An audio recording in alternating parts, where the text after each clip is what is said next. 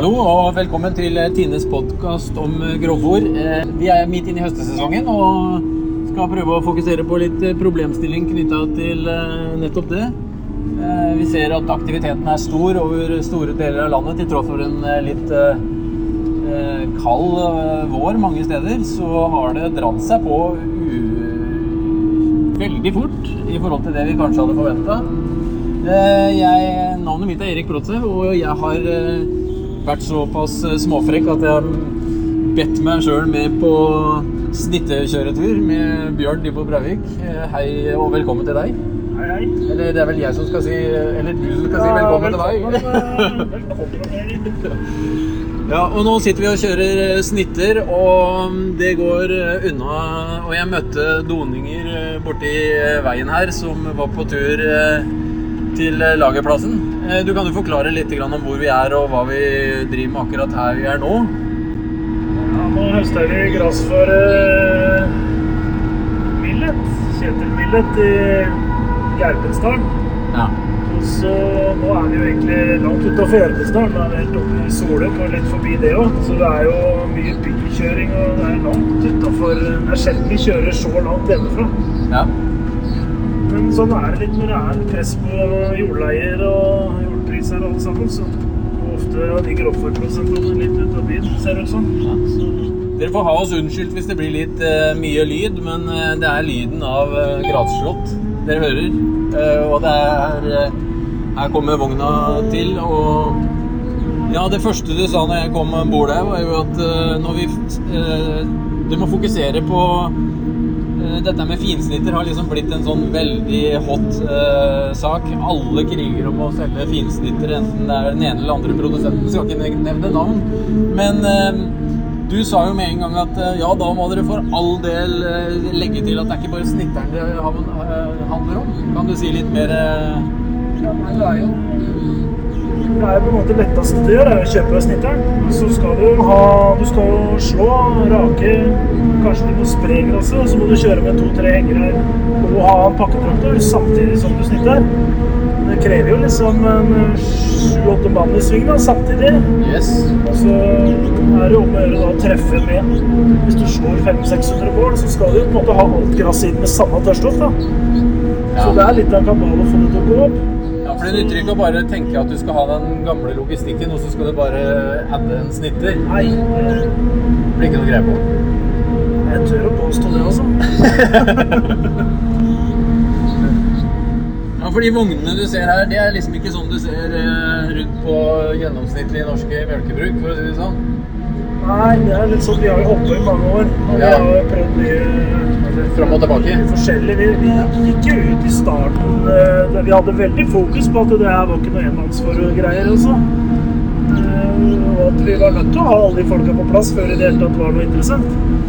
Men så har det på en måte dratt på seg både på volum og areal og kapasitet, da, og da er liksom eh, Det å ha noen skikkelige hengere, det syns jeg har vært eh, det litt størrelse, og så lik størrelse på hengerne. Da får du en veldig fin flyt, også sjøl om du er langt unna gården. Ja, hva, Hvordan vil du beskrive den hengeren der? Hva slags eh, kubikkapasitet har den? Henger på eh, 2-33 kubikk, så den er ikke så voldsomt stor, egentlig. Så. Men eh, ja, den er jo stor nok. Ja. Prøver Vi har jo prøvd mye nå siste ja, I år så har vi jo gått veldig inn for det, så nå kjører vi jo mye Prøver å kjøre faste spor. Så vi Ja. har jo full GPS-utstyr på de fleste traktorene og sånn, så vi kan jo kjøre faste kjørespor nå. Og da snakker vi avstand. Da blir det Vi raker jo med 14 meter rake. Ja. Vi vil, ha slåmaskin, den lar vi gå for seg sjøl. For det er en sånn 9 meter slåmaskin. Og så kjører vi rake på 14. Så legger vi hengeren da 7 meter altså midt mellom de 14 meter strengene. Og så mellom annenhver streng, da. Så da blir det 28 meter mellom hengersporet. Ja. Og 7 meter mellom da snitter og henger. Liksom. Ja. På der, da. ja. Så det blir ikke mye tråkking da, altså. Og så la jeg merke til at eh, på denne snitteren her så har de jo noe inni navet på hjula, så du kan justere ganske godt på dekktrykk og sånt. Og det er jo voldsomme dekk på doningen. Ja, det er dekk og når vi kjører på jordet, så senker vi jo så lavt vi kan. Og på veien så blåser det seg bare opp. Når vi kjører ut på veien, så går trykket opp, da. Ja, for du har jo hjulkjørt fra Stokke til Skien. Nei, det tar to timer å komme seg bort, da. Da har vi, har vi tre dagers jobb her nede, så det er helt greit. Det tar jo en time med bil, så Hva tenker du om eh, sesongen eh, i år? Det er liksom alltid et eller annet hver sesong, jeg har inntrykk av. Eh, hvordan vurderer du det fra ditt ståsted, og det du har sett nå? De dagene dere har kjørt? Det var jo litt sånn kald, kald og våt mai. Ja. Det er jo veldig bra for gresset. ja. Eh, Sånn eh, erfaringsmessig så er jo Jeg syns utviklinga går stort sett så lenge det ikke Og så har du det varmt, så får du heller noe lengre greier. Men, men eh, jeg syns jo masse Nå ringer den der boksen hit. Uh, ja, jeg tenkte på det med når dere skal i gang med høstinga, hvordan uh, dette her med tørrstoff eh, For å treffe på riktig tørrstoff. Du nevnte det jo litt i stad at du skal helst eh, klare å få alt Ja. ja. tima med rette tørrstoffet. Og det er litt av en logistikk eh, når du skal kjøre såpass mye. Hvordan eh, legger dere opp eh, løpet i forhold til det med å avtale når slåtten skal skje, når eh, rakinga skal skje, i forhold til når du kommer osv.? Det blir jo sånn der eh, Det blir jo en sånn eh, dialog med dit vi skal, da. Eh, Og så er det jo litt med hvor gamle engene er, hvor mye det er på, eh, hvor jordene ligger og litt sånn. Men, men eh, om det er mye kløver eller ikke og sånt noe i forhold til hvor fort det tørker. Og så er det spørsmål om du må sette inn ei sprerive f.eks. på noe av det. Vi gjorde det her, vi var i Ramnes her forrige uke. Da, da var vi litt Da tok han Bjørn Viktor liksom valget når vi var sånn midt på dagen der, og så spredde han ut den siste enga på 190 mål. Eh, Et par timer før vi kom, og da tror vi nok vi fikk heva med 5-6% fra kanskje 27 til eh, 3-34 Ja. Eh, Det er noe sånn veldig strategisk å kunne gjøre det når du, når du er på ett jord og du ser at neste jord er mer kløver, og så veit du at enga er tjukkere. Da, da tok vi det valget, og det var sånn veldig riktig. Og vi har nok brukt sprerive mer enn vi kanskje trodde. altså. Gresset er veldig sånn nytt og friskt, og det tørker sakte. Eh, Vi bruker ikke krimper heller når vi slår. Eller vi slår med en krimper på frontmaskin bare, for å få den strengen under traktoren, så ikke vi tråkker i det, men vi bruker ikke krimper bak, og i teorien så skal det tørke like fort som opp til 35 Ja, til det skal nivået, ja. tørke omtrent like fort. ja. Eh, Men allikevel så, så har det vært heng, har liksom igjen litt, altså. Så vi spredde ut en del. Vi bare kjørte på tirsdag, og spredde vi vel alt på de 450 måla, og det der òg fikk vi jo liksom heva det helt til riktig nivå. Har du noe sensorikk på maskina, så du. Som, sånn, vi har en sånn NIRP-sensor og litt sånn forskjellig, men eh, så tørrstoffet følger jeg litt med på der, da. Ja. Eh, men erfaring Det er først nå vi har hatt det siste to åra, men eh, du ser veldig lett på gresset om det er 28 eller 35, altså. Det. det her tipper jeg jo er sånn rundt 30 28-29, tenker jeg. Ja. Det er tjukkere eng enn den som er ved sida her, men så er vi samtidig så er vi, ligger det 200 mål ja, Jeg vet ikke hvor langt vi er unna. 20 km fra gården, tenker jeg. Og, så du må på en måte høste med deg det som er her ute, da. Så det er jo kanskje greit å høste det tørreste først, så du får det litt råere litt oppi haugen. Ja, for, for, alt det dere kjører inn, eh, er plansilo. Noe er plansilo, noe er stakk. Ja, dette her er stakk, så dette her skal vi. Mm. Og da er det ikke noe særlig gunstig å ha det noe særlig tørrere. Nei, jeg gir liksom ikke noe sånn mye mer Der kom neste henger, ja. rundt 35 Og høyere enn det, det er å holde seg. Så er det ofte Det kan fort tørke som en dag som i dag, hvis du er litt for ivrig med sprayriva og det ikke er så mye gress på, eller det er lite kløver eller noe, så er det lett å havne på 50 altså. Det er liksom 35 er liksom best både for kula og for pakkinga og alt, egentlig. Ja, du snakker om pakkinga, og da kan du ikke unnlate å tenke litt på det med snitting. Eh, Nå kjører du finsnitter kontra de som eh, bruker vanlig sånn eh, rotorinnmater på, på, på lessevogn eller på en ei presse. Hvordan sammenligner du de metodene? Nei, er jo Ja, det er jo like greit, det for så vidt. Det gir jo, gir lengre kutelengde. Mer uensarta, kanskje? Ja, du er nok avhengig av å fòre en snittevogn eh, med mye gress hele tida. Så du må rake så det passer til innmatinga. Det er noe jeg tror, da, Ja. for å få kutta det godt. Men du oppnår aldri den kuttegraden som du gjør eh, Svensken kaller det ikke eksakt takk uten grunn. Nei, for det er liksom så vi har eh, tørrstoffmåler på, på maskin, så kan du jo koble den opp mot snittelengde òg, så du kan sånn automatisk senke snittelengda når eh, blir Ja, når tørrstoffet øker. Ja. Men eh, når du snakker om tørrstoff og snittelengde, hva, hva, hva har dere liksom havna på? Jeg regner med dere har mye erfaring der òg, prøvd forskjellig og justere litt, som du sier. Vi ligger sånn når vi er rundt 30 så ligger vi på noen oi, 15 millimeter, kanskje. Ja. 15 minutter Ja. Teoretisk snittlengde. da. ja. Så er det jo, du finner jo alle fraksjoner i sjølve skuffen, eller i gresset da, som er slik. Du nevnte den her sensorikken. Du har allerede vært inne på at du måler tørrstoff og bruker det en del for å se hvor du ligger eh, ulike steder på jordet osv. for å time litt bedre innkjøringa. Men eh, hva med de andre parameterne? Jeg går ut fra at du kanskje har noen andre parametere også? Ja, eh, vi har jo litt sånn protein og litt sånn forskjellig. Også, eh, Det er som med de andre NIR-sensorene. Råprotein og NDF og ADF og Ja, ja. aske og tørrstoff. Sukker og litt sånt. Og sukker, ja.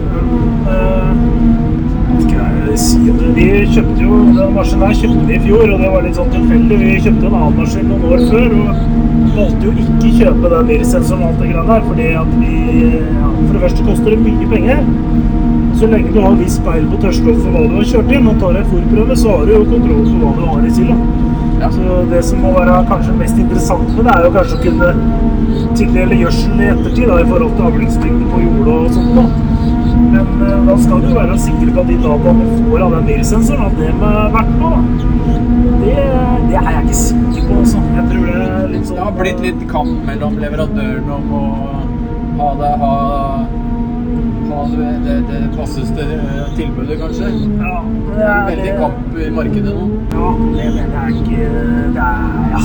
Nei, jeg vil ikke Nei, vi valgte jo ikke kjøpe det. Det er bare tilfeldig at det står på den maskinen her. Og jeg ser ikke noe Jeg hadde ikke kjøpt det, skulle vi kjøpt noe i. For at, eh, så lenge jeg skulle gjerne godt tatt tørrstoffmåling og, og avlingsregistrering for å vite hvor mye du har kjørt inn. Så tar du en fòrprøve, og da veit du hva du har på lager og hvilken kvalitet. Og så da, da får du jo et svar på hva du har i siloen. Og så er det, det er jo alltid en mismatch mellom det som er høsta på jorda og det som ligger i siloen. Det er helt topp. Den jeg eneste grunnen til det egentlig er det å kunne tildele gjødsel på jordet etterpå i forhold til avlingsmengde. Men det er også avhengig av andre ting på jorda. Ja. Så det er liksom ikke Nei.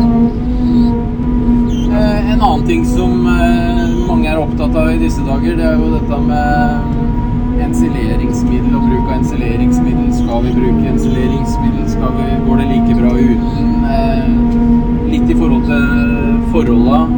Du nevnte litt i forhold til det med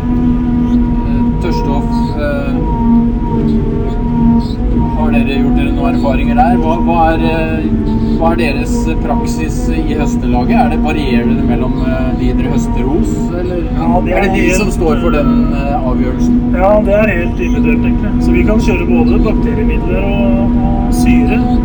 Vi har jo ett system til bakterier og ett til syre på snitterne. Vi kjører bakterier på det originalsystemet, og så kjører vi syre på en tank vi har i tillegg, så ikke vi blander det altfor grundig inn i kanskje. Men eh, også pluss at uh, kjører du syre, så må du ha med deg ganske store mengder. Du bruker fort 3-4 liter på målet når det er en tonn grønn masse. Skal du høste 1000 mål, så er det jo 4000 liter syre, liksom. Så da er det greit å ha med seg Så vi har med oss 1000 liter syre bak. Så, mens bakterier der går vi ofte ned til liter på tonn eller sånn i dosering. Så det må det. Sjøl så bruker vi bakteriepreparat hjemme. Vi hadde, vi plundra litt med sånn sur vann og sånn. Litt med det, gulpeballer og sånt på byen. Så bytta vi til det, og da forsvant det problemet. Så, og vi syns jo vi får ensilert like godt og sånn. Men jeg tror på en måte ikke seleringsmiddel er oppskrift. Altså det, er, på en måte, det er en forsikring når du legger silo, men det viktigste er jo jobben du gjør når du pakker. At du har en uh, toblokk traktor, og at du får lagt ut siloen i hele den Får lagt krass i hele lengda du skal legge, hele tida. Så i tynnest mulig lag. Ja, for dere, dere kjører jo gjennom med disse vognene. Kjører gjennom med vognene, og så kjører vi Så har vi nå har vi en pakketraktor på Den veien sikkert 16-12, tror jeg. Ja. Eh, Med en sånn der javner bak, da. Eh, Med to sånne rotorer. Med så to sånne rotorer. Det syns vi har funka best, for du får liksom rota gresset litt sammen. Du dytter ikke bare på det, men du får liksom eh, rota det litt sammen når du legger det fra deg. Og så tråkker jeg den hele tida, når ikke det er engler der òg. Det, den, vi øka jo vekta på den tråkketraktoren i år, for vi gikk jo over til den 14 meters riva i fjor, eller forfjor. Og da følte ble kapasiteten så stor at da følte vi kanskje at vi hang litt etter på den tråkkinga. Så nå har vi i hvert fall fått opp vekta på den. Og så fornya den der eh, javneren vi har bak, da. Så. Eh, Sånn at eh, nå, nå føler vi at vi har eh, kontroll på det, i hvert fall. Vi har vært litt eh, opptatt av i senere tid av dette med å slå Det virker som, i hvert fall hvis du skal se på Facebook osv., at eh, i år så er det enda mer fokus på å slå litt tidligere enn det du kanskje er vant til. Og det har vært veldig stort fokus rundt forbi hele landet, egentlig. Eh, og så er det dette med etanol, eh, fòrsmak.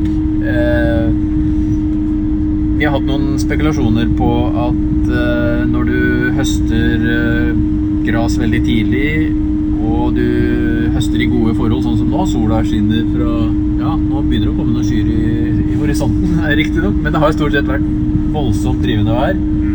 Så berger du veldig mye sukker i eh, Og du hadde vel indikator på sukker òg, så du veit vel kanskje litt om det, men du berger veldig mye av sukkeret. Og så er jo spørsmålet hvordan eh, Hvordan det går når du får eh, eh, litt Du var jo inne på det i stad med tørrstoff, og at du ikke vil over 35, men spesielt kanskje de som høster rundballer. De syns det er veldig greit å få litt tørrere rundballer. Enda tørrere, for da slipper de å kjøre så mange rundballer. Da er jo dette her med veldig mye sukker, veldig lite gjæring Hvis du får tørrstoff over 40% og kanskje opp 50% så blir det jo praktisk talt ingen melkesyregjæring. Eh, men dere har ikke hatt noen sånne erfaringer, dere? Men dere har ikke hatt noen sånne eh, issues med noe etanol eller Nei, det har jeg nesten aldri vært borti. Jeg har vært borti folk som har plundra dette på rundballer, men eh, også rundballer som er 35% så Men jeg, vi har ikke vært borti det, altså. Nei. Så veit ikke jeg, nå bare spør jeg, da, om Ja, eh, ja. liksom eh, Er det forskjell da på om du bruker syre eller melkesyrepreparater eller bakteriepreparater? da? Ja, min teori går jo på at hvis du bruker syre, så Hvis du skal bruke syre, for å, så er det selvfølgelig hvis det er lavt tørrstoff, som du sier, for å styre gjæringa, så du ikke får eh, etanolgjæring. Men det vi har sett som typisk er problemet, er jo motsatte. At det er for tørt og for bra og for tidlig slått. Og, og egentlig det beste fôret du har, det er det du får problemer med etanol i. Ja.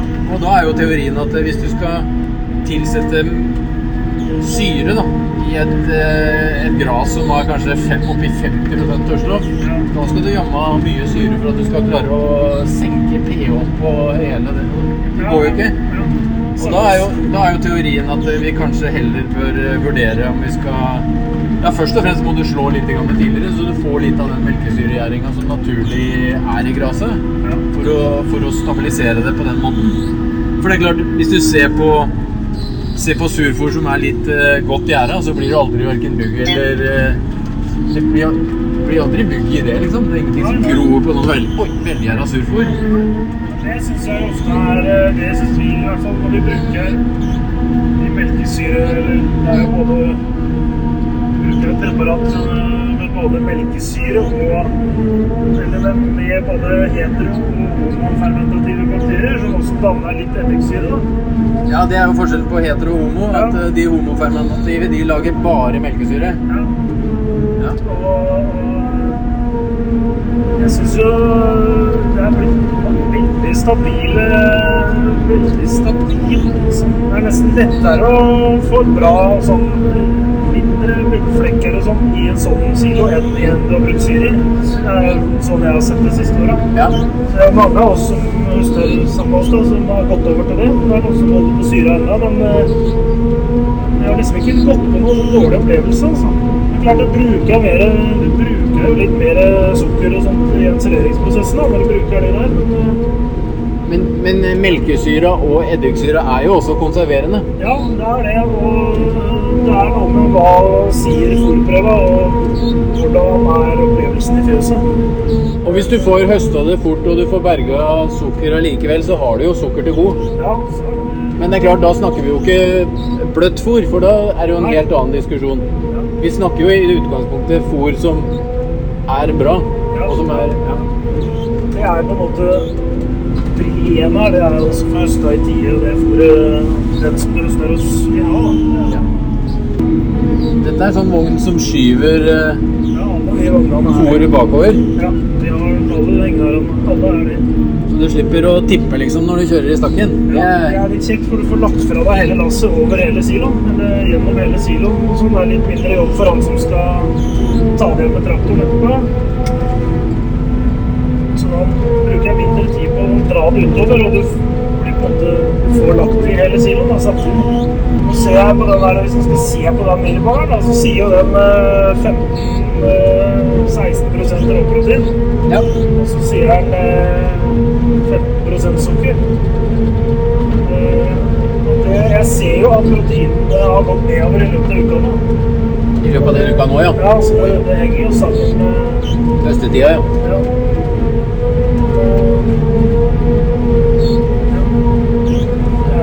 Helt riktig å begynne, begynne da. For det gikk veldig fort når du først eh, satte i gang. Jeg bruker den der grafen video ofte for å liksom følge meg litt rundt fram mot sluttidspunkt. Og pleier å stemme ganske bra, det. altså. Sjøl om du har en kald og våt mai, så utviklinga går liksom sin gang, virker det som. Vi har holdt på i 15 år, men jeg har jo liksom fulgt med på dette hele tida. Det er liksom akkurat det tidspunktet med første slått, det varierer ikke mye, altså. Hos oss eller sånn i det området der vi er. da. Se. Ja, Gråfòrmodellen den finner du på den Vipps-sida til Og da har du også litt eh, koll på neste slåtten. Ja. For der ser du liksom eh, Der òg er erfaringa. Hvis du skal prøve å få berga noe fôr med noe energi og protein der, så er det liksom bare fire uker, altså. Fire og en halv uke til neste. Det er standarden. Det er veldig standard, egentlig. Og hva snakker du om eh, energikonsentrasjon og råproteininnholdet i surfòret da? Sånn, eh, Nei, på første slått da, så tenker jeg hvis du klarer å bære inn oppå 16-17% Ja. og så, så Det er liksom den avveininga du skal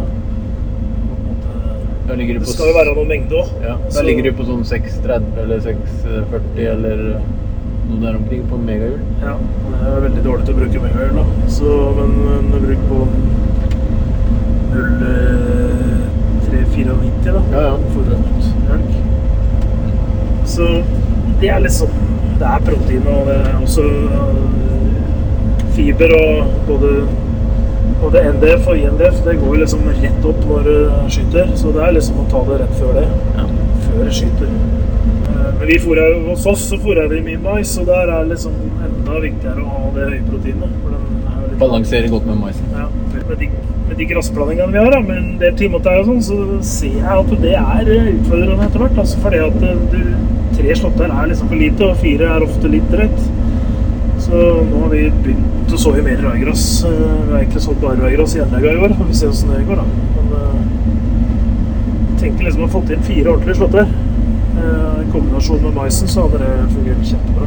Ja, du sier det som at du er litt skeptisk, men eh, Nei, jeg synes det er du- van... Ja, fordi at den, de vanlige grassplantingene, hvis du tar tre slåtter av de, så er det andre og tredje slått, spesielt andre slått. Hvis du skal dra den til midt i juli, så er ikke det Da er det 080-fòr, liksom. mm. Prøver å slippe på en sånn raigrass-strategi, så får vi se, da. Ja, for det er ikke Det verste som skjer, er at du må pløye litt. Sammen. Det kan hende at det går ut litt, ja. Ja. ja.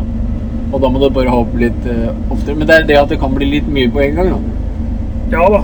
Så vi tenker at vi nå har vi sådd det i år. Altså, vi har hatt sådd eh, raigras som fangvekst i, i maisen i en del år. Og den overbiter deg alltid. Har liksom aldri gått ut.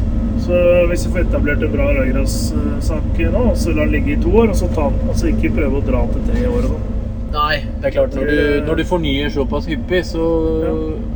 For den blir jo mer og mer utsatt jo eldre den blir. Ja. Mm. Så vi tenker at da lar vi den ligge i to år, og så tar vi den. Så Men hva snakker vi om? Nå høster jo dere mange steder, og sånn som her, så er det litt eh, Ja, langt unna folkeskikken. Nå snakker jeg hjemme For din hos egen oss del. i Vestfold, holdt jeg på å si. Men eh, det er jo helt hvilken strategi du har på fôringa. Han vi er hos i dag, han skal fôre Dette her er oksefôr. Og så skal han ha én slått til. Og da er det tenkt sånn til ammekuene. Så han kommer til å gjøre på den måten, da. Så tar en bra førsteslått til, eh, til okser, ja. Ja. Så, og kanskje noe oppdrettskviger, og så og så resten til ammekine. Ja. Mm. Nå drøyer den den, bare. Ja. Mm. Den kommer til å ta slutten av august, eller midt i august eller noe. Ja, for du, du snakka om eh, å bruke sprederive for å, for å tilpasse tørrstoffnivået. Og kanskje Sånn her inne, eksempel. Ja. De tre jordene her. Eller jo, nei, to jordene her. Det her, her kunne det godt vært kjørt en sprayrive. Her også det første stykket vi var på. Men ikke det der borte. For der er litt gamlere gjeng og litt tynnere. tynnere. Men så fordi at hvis du, ja, det er Spesielt hvis ikke det er kløver, så er det noen timotei-greier og sånn, og du har litt god tørk og sånn, da øker det jo fra 25 til 50% på tre timer, liksom. Det er kjempeskummelt. Og det er jo veldig uheldig hvis det blir for tørt. Ja, det er, ikke noe, det er vanskelig å pakke, og det er, eh, det er ikke sånn smakelig fôr heller. Så det, det er jo det som er den store greia, egentlig. Det er å klare å lande liksom 600-700 mål da, på samme tørrstoffet i siloen. Og klare å høste like fort som du har slått og tørken går. Og eventuelt vente med å slå det siste til du ser åssen været blir. Og det er som å hele tida være å følge med, liksom. Fra, den, fra når du setter slåmaskinen i gang eh, til du er ferdig høsta, så må du på en måte du må holde an den slåmaskinen en halv dag da, for å, å slå resten når det nærmer seg slutten eller noe. Men det du sier er at du, du kjører ikke den sprederiva så, sånn eh, som eh, standard. Nei, det kommer bruk- helt an på. Og det du også sa, var at eh, hvis Den må du være forsiktig med. Ja, vær forsiktig så ikke du Hvis du kjører den Hvis du liksom bare sier 'jeg skal kjøre sprederive', og så får du et vær som plutselig blir kjempebra vær, og vind og sol og greier, og Da- da går det fra- Da kan det godt hende du bare skal stoppe. For det som eh, kanskje har vært litt fokus, sånn som jeg har fått med meg i det siste, er jo at eh, mange har blitt opptatt av at de skal få dette fort gjort og berge det når det er et oppholdsvær, og, og da blir sprederivet på en måte en, en standard. Ja, det, men det var fortsatt på en måte vurderende. Det var mye. Det er liksom hvor godt det er i bakken, og hvor fuktig er lufta, om det er sol eller vind. Eller, Er det mellom regnbyger, så kan det hende at det er en litt annen diskusjon. Ja, men samtidig så har du jo på en måte vinduet ditt. Det er jo ikke Det er jo den tida du tar å høste, som avgjør når du kommer til det siste jordet. Så hvis du slår alt, da, og så ikke du klarer å høste så fort som du slo, f.eks., så vil det siste du slo, ofte bli veldig tørt. da. Ja, og det, det du nevnte i stad med at, eh, at hele logistikken må henge sammen med, med Ja, ja, det er kjempeviktig. Altså at alle som er med, er liksom innstilt på at det her skal vi gjøre. Alle må på en måte være innstilt på at dette skal bli best mulig, og stå på til vi er ferdig, samme hva som skjer. liksom. Det, det er jo Alle som er med i det systemet vårt, da, de er liksom det er fri én, liksom. Alle kaster det de har for hånda, og så blir de med når du skal kjøre, så er det det som er pri. Da ligger alt annet på vent, og så må du Men det, vi legger opp til det, altså. Vi løper jo ikke bare hjemmefra. Jeg har jo sagt det. Jeg har jo, har jo liksom planlagt litt, da. Men samtidig så er det jo en enorm gevinst i det, da. Sånn kapasitet. kjempe alle er interessert, og alle veit at når vi skal høste hos dem, så er alle like med på at det skal bli 100 Og alle er det hos alle, for alle skjønner at dette er liksom det viktigste du gjør en sommer eh, i forhold til kubruk, i hvert fall. da. Storfe, og så få berga det fôret sånn som du vil ha det, det gir jo store utslag på egentlig. På kvaliteten på det gresset, og hvor mye kraftfôr du må kjøpe, og hva du- får det til å funke i fjøset. Det er jo Ja, det er vel ikke noe, det er vel ikke noe tvil om at eh, grovfôr og grovfôrkvaliteten er det som driver hele resultatene. Nei, det er det. altså, I hvert fall i det området vi har, så er det på en måte grovfôr eh, Med det systemet vi har, i hvert fall, så er jo grovfôr eh, det billigste fôrmiddelet. Kraftfòr er eh, ordentlig dyrt. Ja, hva gjør du da hvis det regner? Da Må kjøre og bare lukker øya og kjører? Nei. Ja, Du kjører ikke når det regner? Nei, ja, det kommer jo an på hvor du er da. Hvis, Ja. du, hvis det er en veldig regn en uke, og du har igjen 100 mål, så er kjører du jo ferdig. Men kommer ei Vi hadde jo en diskusjon til morgenen i dag. For det meldte jo fare for noen byggere i Skien i morgen ja, i 4.50 om morgenen. Og varsel som har kommet og gått litt sånn i de datasimulatorene i Storm og Yr og sånn.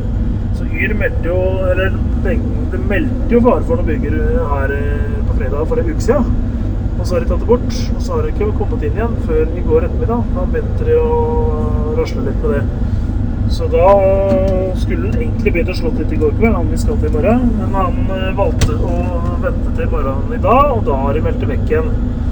Og vi diskuterte litt i halv sju-tida til morgenen, men da kom vi vel fram til at det var meldt så bra vær i etterkant eh, at dersom det kom millimeter eller to, så da er det heller bare å begynne litt senere på dagen. Og så, og så det derfra. Nå melder de jo ikke noe, det heller. De melder litt mer oversida, så vi får vel vurdere litt om kanskje den sprayriva må ut litt i morgen formiddag. Vi får se, se hvor mye det tørker i dag, egentlig. da. Hvordan er prioriteringa når dere er eh, flere i et høstelag eh, som dere er?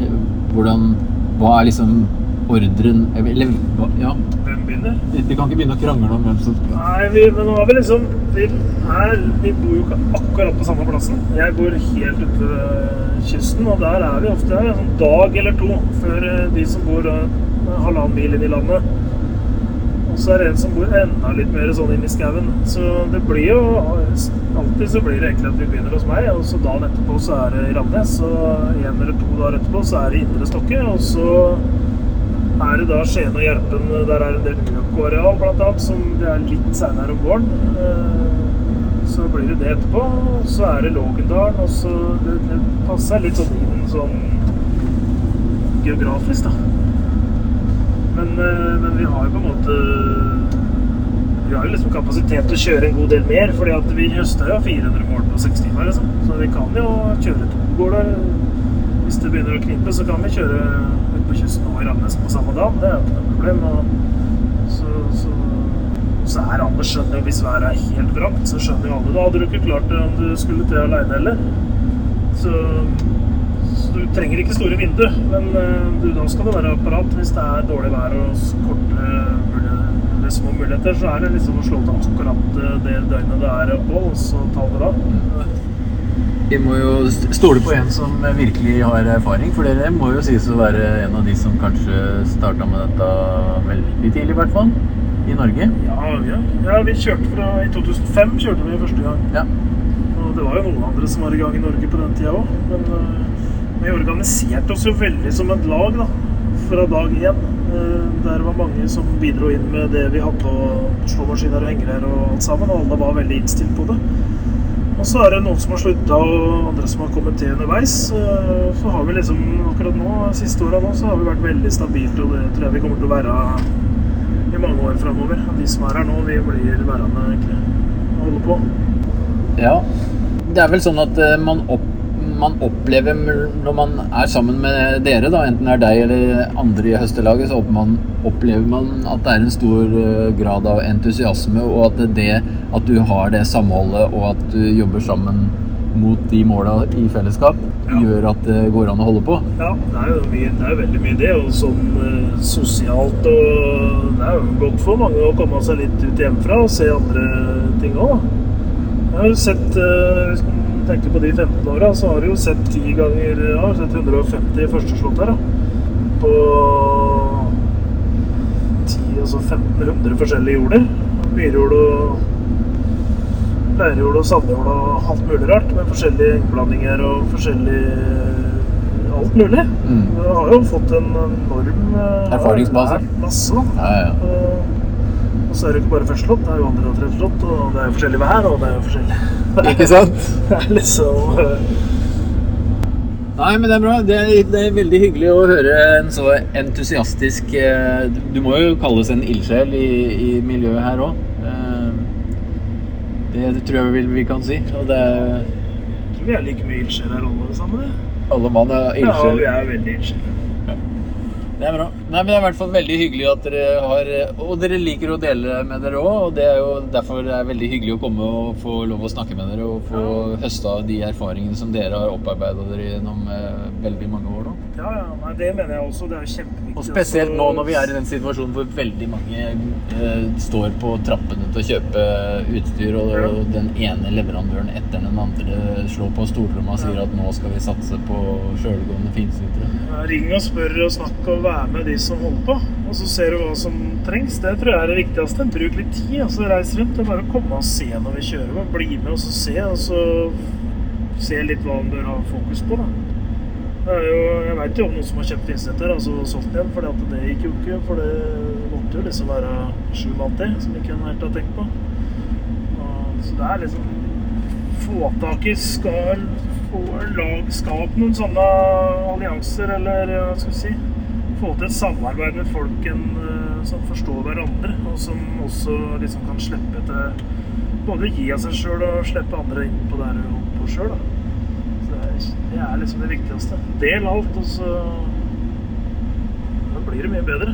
Mye Det sitter jo masse, masse kunnskap rundt overalt. Det er bare å spørre og grave og Det er noe hele tida.